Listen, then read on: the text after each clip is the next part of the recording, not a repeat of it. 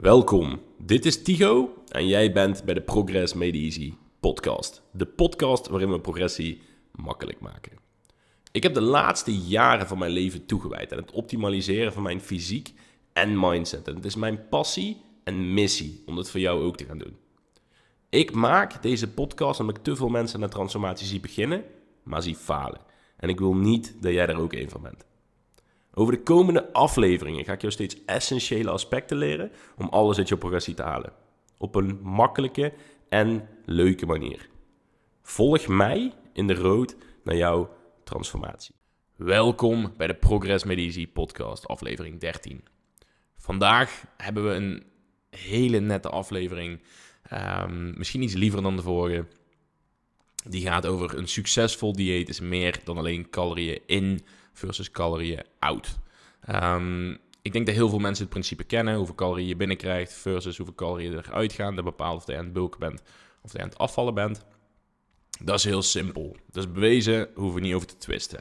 Dat is heel makkelijk. Maar als dat de enige tool is, de enige lever die je kan poelen in een dieetfase, dan ga je een hele stroeve dieetfase krijgen. En ik weet dat sommige um, mensen het nog steeds zo aanpakken, sommige coaches het nog steeds zo aanpakken. En ik denk dat daar veel op te winnen is. Um, we moeten dus gaan kijken dat, ja, tenzij je dus echt een, een extreem goede invloed hebt of een rare situatie van extreem goede of slechte nutriëntenverdeling, zou je zien dat altijd gewoon calorieën in versus calorieën out wint en gewoon leidend is. De enige situatie waarin er bijvoorbeeld net iets anders zou kunnen werken, is als je bijvoorbeeld twee maanden niet hebt getraind, je begint al met trainen, dan kan je zoveel spiermassa aanzetten in een korte tijd, waardoor dat, misschien, dat je ja, vet gaat gebruiken, eh, of de energie uit vet gaat gebruiken om spiermassa op te bouwen. Dus niet vet omzetten aan de spier, want dat is achterlijk, maar de energie uit vet die vrijkomt gebruiken om spiermassa um, te bouwen. Of om te bewegen en andere energie te gebruiken om spiermassa te bouwen.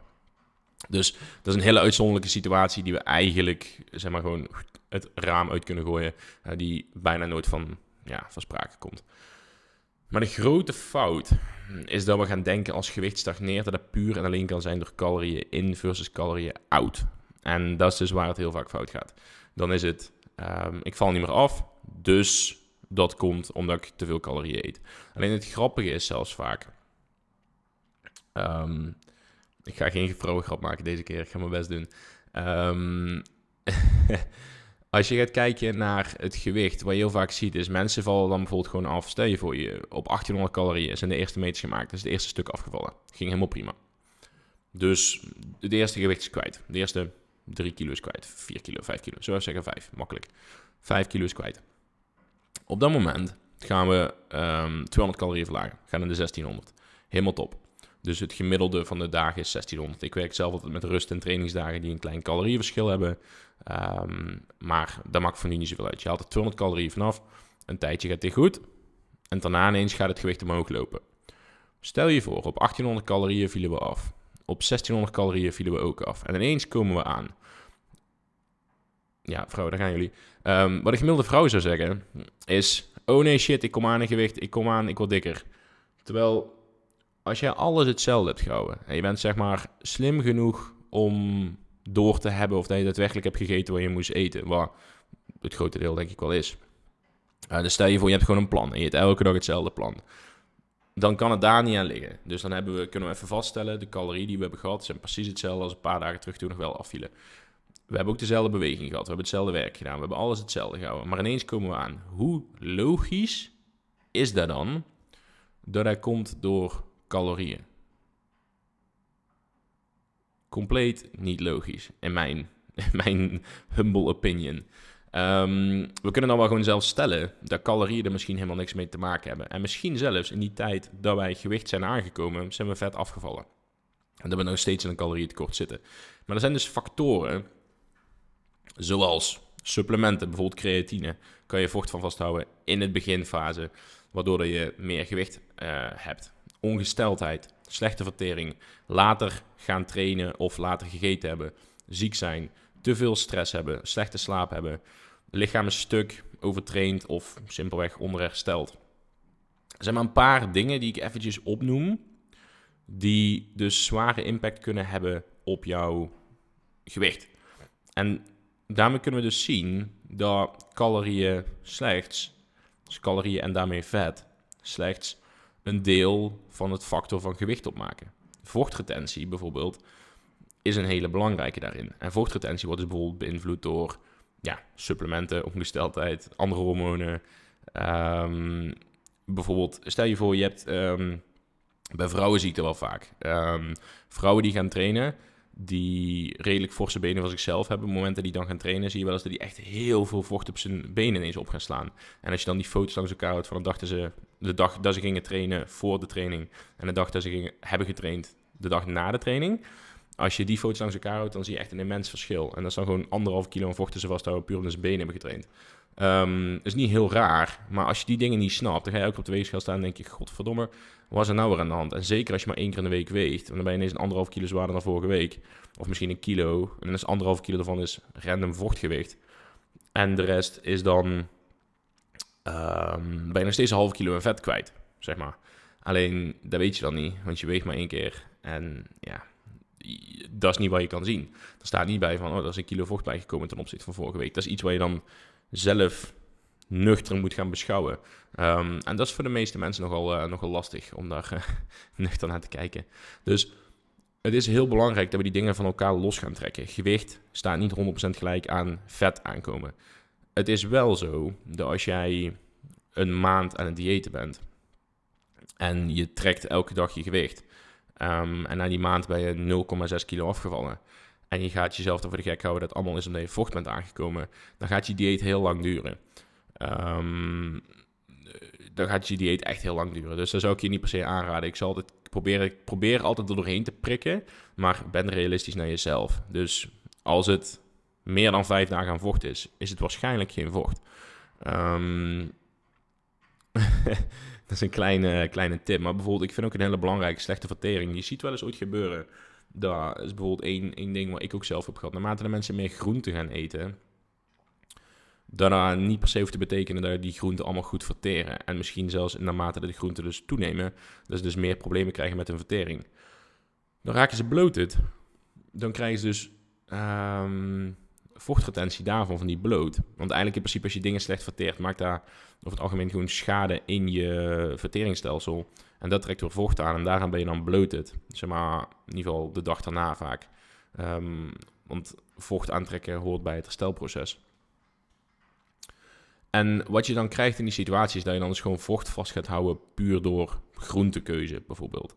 Um, en dat kan dus ook je gewicht flink doen toenemen, maar ook is dat niet per se gunstig voor je afvalproces. Omdat je heel je lichaam een beetje ja, in de stress zit van het feit dat zijn buik kapot aan het gaan is. Um, dus dat is ook iets waar je heel snel zou willen fixen, waar echt prioriteit is om te fixen. Maar is wel heel belangrijk om dat dus te zien. Van stel je dus voor dat gebeurt. Stel je voor je bent aan dieet, alles gaat goed. Je gaat meer groentes eten, andere groentes eten. En ineens krijg je allemaal problemen. Ben je bloated, uh, hou je vocht vast. Is je stoelgang niet meer wat die was. Um, en dan is dat wel echt een hele grote factor om even te gaan kijken van oké, wat gaat er nou precies fout? Want één, je wil het fixen voor de progressie van je vetverlies. En twee, je wil het fixen voor je dieet, hoe je je voelt. En uh, alles wat daarbij komt kijken. Um, maar nogmaals, Stel je voor zoiets gebeurt, gooi het niet op het feit dat je dieet niet werkt en dat je vet aankomt en je calorieën moet verlagen. Want op dat moment die calorieën gaan verlagen is waarschijnlijk niet de, slechtste, niet de beste zet. En zeker wanneer het echt een hele slechte zet is, is als jij compleet overbelast bent. Dus wat je ook wel eens ziet gebeuren, naarmate de mensen gaan diëten, gaat het herstelvermogen gewoon flink naar beneden. Van een bulk naar dieetfase, zeker hoe dieper de dieetfase is, Misschien wordt slaap ook nog minder. In ieder geval bijna altijd wordt de slaapkwaliteit bij mensen minder in een dieetfase. Neemt alles af, gaat het allemaal een stukje minder goed. En vanaf dat punt, heb, wat veel mensen dus doen, is ze houden in principe de training hetzelfde. Alleen het herstelvermogen, die dipt wel. Want ze hebben minder voeding, minder goede kwaliteit slaap. Um, ja, is in principe gewoon minder bouwsteen en minder bouwmomenten, om het zo maar te zeggen, om om dus alles te herstellen van die training die we hebben gehad. Maar het is nog steeds dezelfde training. Dus dat is vaak ook de reden waarom de mensen achteruit gaan in een dieetfase. Is omdat ze hun training niet aanstellen of niet aanpassen op uh, het herstelvermogen dus daadwerkelijk hebben. Hele belangrijk om dat dus wel te doen, maar compleet andere topic.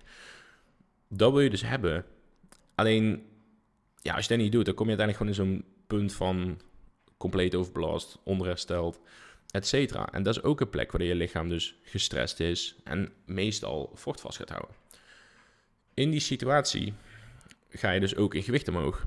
En dan voelt je lichaam helemaal shit. Maar er zijn dus bijvoorbeeld bepaalde factoren waar je voor op wil letten. Loop jij de gym in, heb je het gevoel van holy shit, waarom voelt mijn warming up als mijn working set? Ehm, dit klopt niet. Dit, was, dit is gewicht dat makkelijk moet zijn, maar het is niet makkelijk. Wat gaat er fout? Als je dat gevoel hebt, als je de gym in loopt, is een hele goede, ehm, een hele grote rode vlag, om het zo maar te zeggen. Maar meestal merk je het al vanaf het moment dat je opstaat. Zeg maar, zelf merk ik het als ik opsta, s ochtends, en ik denk van, jezus, um, ik heb eigenlijk nog niet geslapen. Als ik dat gevoel heb, als ik gewoon een goede nachtrust heb gehad, voor mij doen een goede nachtrust, um, en ik word wakker en ik denk van, jezus, ik heb nog steeds niet geslapen. Meestal heeft dat al flink te maken met mijn herstelvermogen die ik eigenlijk die achterloopt. Hoe gaan we dat fixen? Ja, niet meer in die tijd in de gym bent.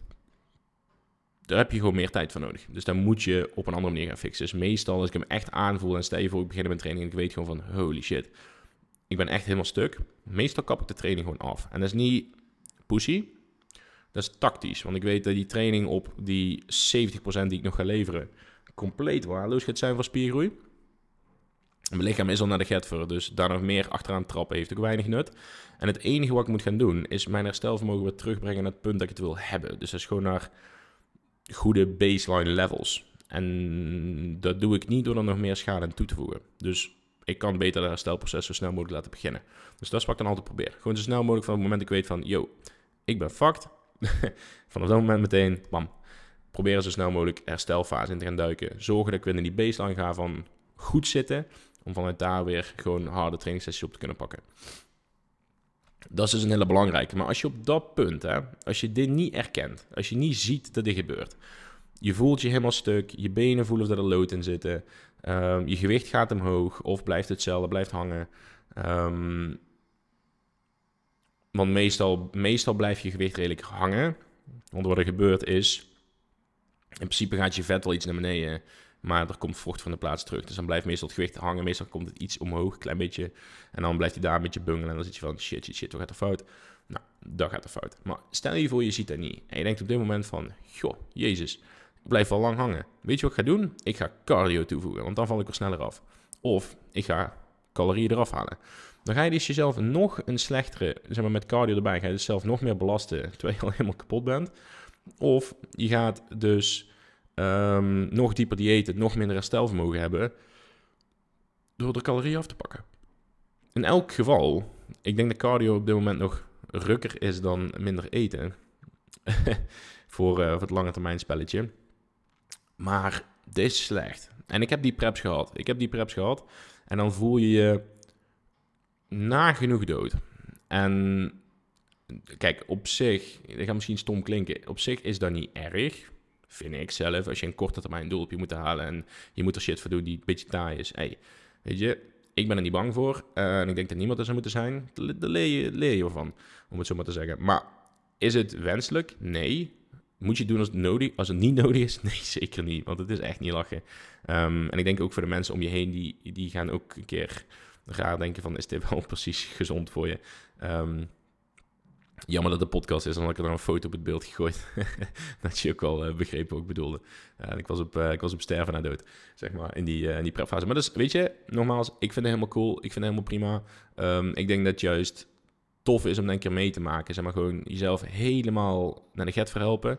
En dan nog steeds elke dag gewoon je shit doen die je moet doen. Je cardio doen, niks missen, geen maaltijd missen.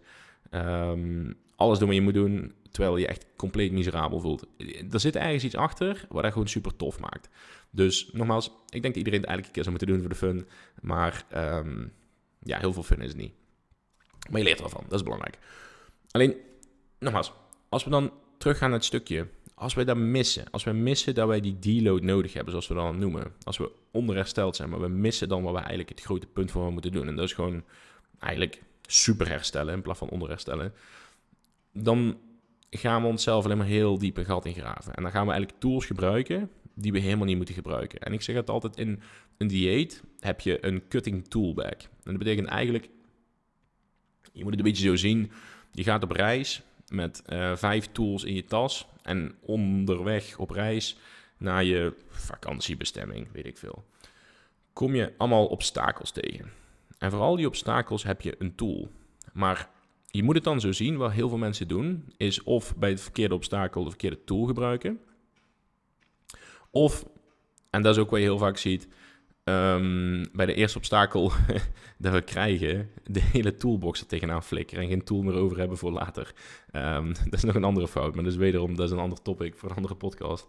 Um, maar dat zie je dus ook heel vaak gebeuren. Dus je wilt gewoon kijken naar de situatie en wat is nou de juiste tool om te gebruiken om deze situatie op te lossen, om weer verder op reis te kunnen naar ja, mijn afval, fysiek, shredded, fysiek, weet ik veel. Net wat het doel is. Dus dat is een hele belangrijke. Dat we tools gebruiken op de plekken dat we, dat we ze moeten gebruiken. Maar ook zien um, dat, ja, dat, we, dat we de goede dingen gebruiken vooral. Dat is, dat is denk ik het belangrijke. En vooral als we de verkeerde dingen gebruiken, dat we het alleen maar slechter maken. En dan eigenlijk de enige stap, kijk, stel je voor, je gaat nog harder cardio, terwijl je al helemaal in de get voor bent. Dan zou je waarschijnlijk daarna gewoon minimaal vijf dagen complete rust moeten pakken. Waarin je geen cardio kan pakken geen training kan pakken om er überhaupt een beetje te kunnen herstellen. Om je lichaam uit die shitpositie te helpen. Waardoor die weer fatsoenlijk, zonder cortisol levels tegen het dak, gewoon vet kan gaan verliezen. Want als jouw hele lichaam hotwired staat en denkt van, jezus, ik ga kapot. Um, dat is niet de plek om vet te verliezen, zeg maar. Dat is, dat, is, dat is die dan niet van plan. Jouw lichaam wil dan overleven en vet is overleving. Dus die gaat proberen alles vast te houden wat je hebt ik heb het ook oprecht ook gewoon gemerkt tussen twee verschillende dieetfases. Dan één dieetfase waarbij ik dus helemaal stuk was, lood in mijn poten. Uh, zo gewoon stappen zetten was gewoon moeilijk. was oprecht, als ik ging wandelen om mijn stappendoel te halen, dan stond ik ooit gewoon even stil. Gewoon even, even bijkomen. Zeg maar, de, dat niveau was het. Dan zeg ik niet om zielig te zijn, maar dat was gewoon chill. dat was op dat moment gewoon chill. Ik dacht van, weet je, tot die lantaarnpaal, dan ga ik even staan. en ik denk iedereen die op dat punt heeft gezeten, die lacht hierom. Uh, want die heeft het allemaal precies ervaren. Uh, maar als je het niet hebt, good for you. Maar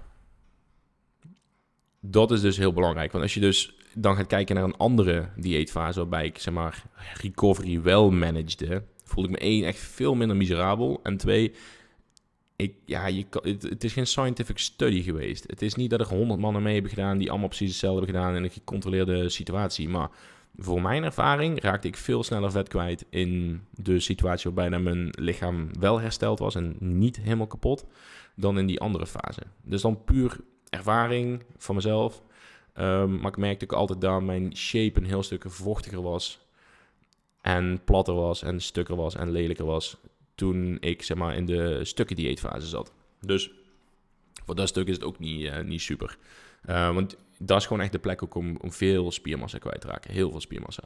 Um, dan zie je dus ook wel vaak op een gegeven moment dat die cardio omhoog moet. Dan gaat je sowieso wat benen kosten. Maar op die manier dan uh, heel duur.